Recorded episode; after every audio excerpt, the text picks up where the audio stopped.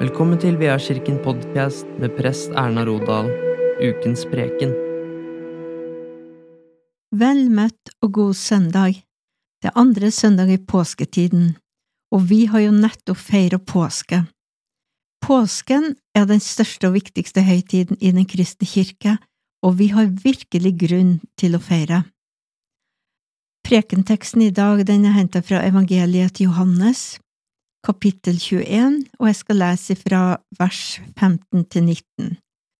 Har du en bibel i nærheten, kan du gjerne slå opp i Bibelen og lese sammen med meg.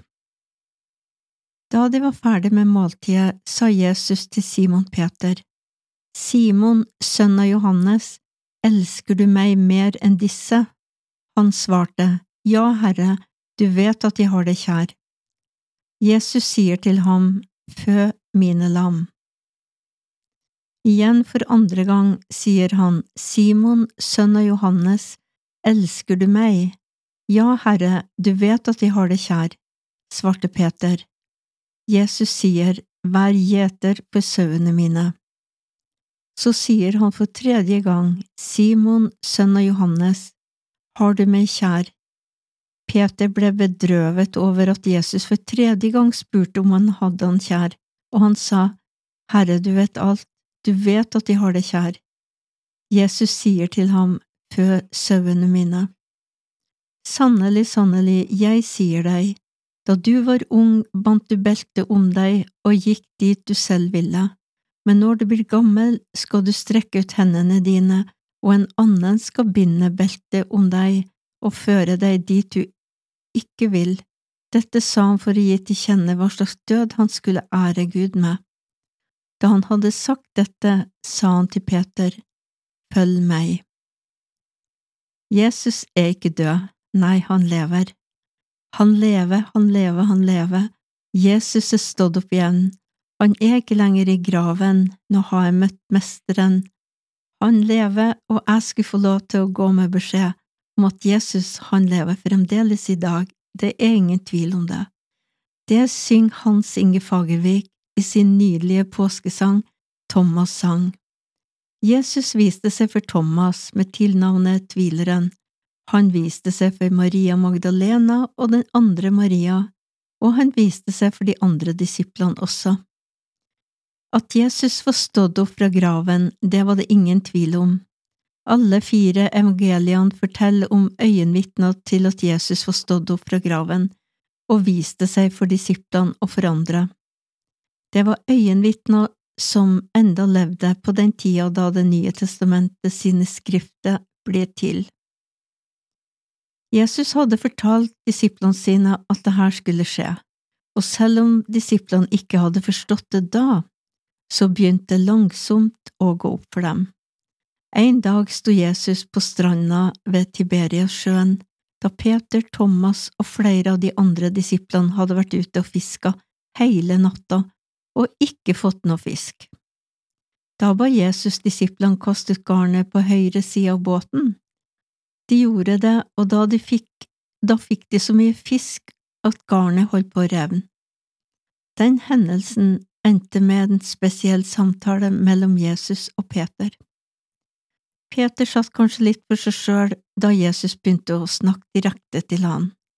Han visste han hadde svikta Jesus, ikke bare én gang hadde han svikta, men tre gang. Jeg kjenner ham ikke, hadde han sagt, at han kunne være så feig. Jesus som hadde vært hans venn i tre år, og så hadde han nekta for at han kjente Jesus. Peter var så skuffa over seg sjøl. Men da kommer Jesus han i møte og vinker han til sides. Da gikk de kanskje litt for seg sjøl langs stranda, og Jesus gjør det Peter ikke hadde mot til, Jesus begynte å samtale med han. Det blir en ganske spesiell samtale, en samtale mellom frelseren og fornekteren. Jesus kommer ikke med et eneste ord av anklage eller fordømmelse mot Peter. I samtalen viste Jesus seg som sjelesørgeren, der det som var knust tre ganger, blir gjenoppretta tre ganger. Jesus forkasta ikke Peter selv om han hadde svikta, Nei, han reiser han opp igjen og gir han en ny start og fornyer Peters pastorale oppdrag.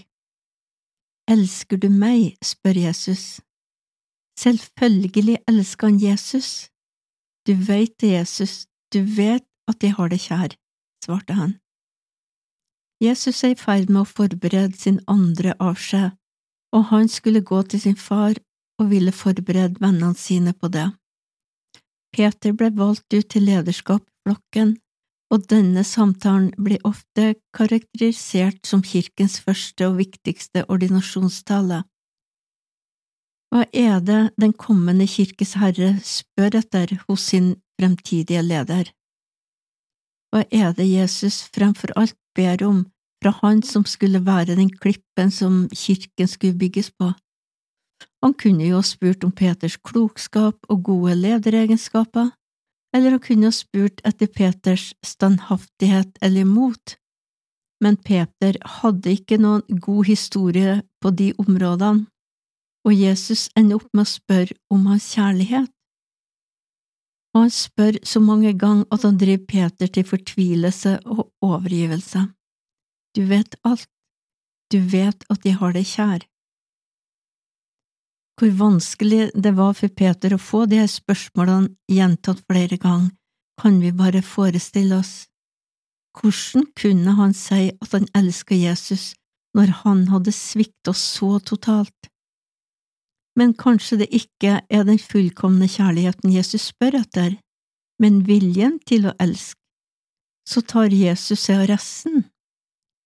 Peter ville jo elske Jesus, han visste at det var Jesus han hadde sitt håp, sitt liv og sin fremtid, og han ville følge Jesus.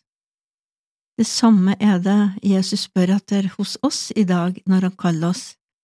Elsker du meg, vil du følge meg? Jesus trenger bare en overgivelse og et ja fra oss, så gjør han resten, og han har lovt å være med oss alle dager inntil verdens ende. Det er et ordtak som sier at du kan blåse ut et lys, men du kan ikke blåse ut en flamme. For så snart vinden når flammen, så vil den blåse flammen større. Jesus hadde tent en kjærlighetsild i apostlene sitt hjerte, en ild som vokste seg til en flamme da Den hellige ånd kom på pinsedag, en flamme som ingen klarte å blåse ut, selv om apostlene ble utsatt for all slags forfølgelse og Jesus visste at apostlene ville bli utsatt for både prøvelser og avkrevd offer, og han ville forberede Peter på den død han skulle ære Gud med. Fortsatt så ler martyriet i den kristne kirke. Det ser vi dessverre mange eksempler på i verden i dag. Men ved Den hellige ånd vil ilden aldri slukkes, fordi åndens vind alltid gir flammen liv. Den kirke som Jesus ordinerte Peter til å lede, vil aldri dø, men vokse større og gå mot fullkommenhetens vår. Sånn er det, ikke fordi at lederskapet er så spesielt fantastisk, men fordi at Jesus møter oss igjen og igjen, og fordi at nye hjerter alltid vil bli tent i brann i møte med den oppstandende Jesus Kristus. Ære være Faderen og Sønnen og Den hellige ånd, som var, er og blir en sann Gud fra evighet og til evighet. Ta imot velsignelsen. Herren velsigne deg og bevare deg. Herren la sitt ansikt lyse over deg og være deg nådig. Herren løfte sitt ansikt mot deg og gi deg fred.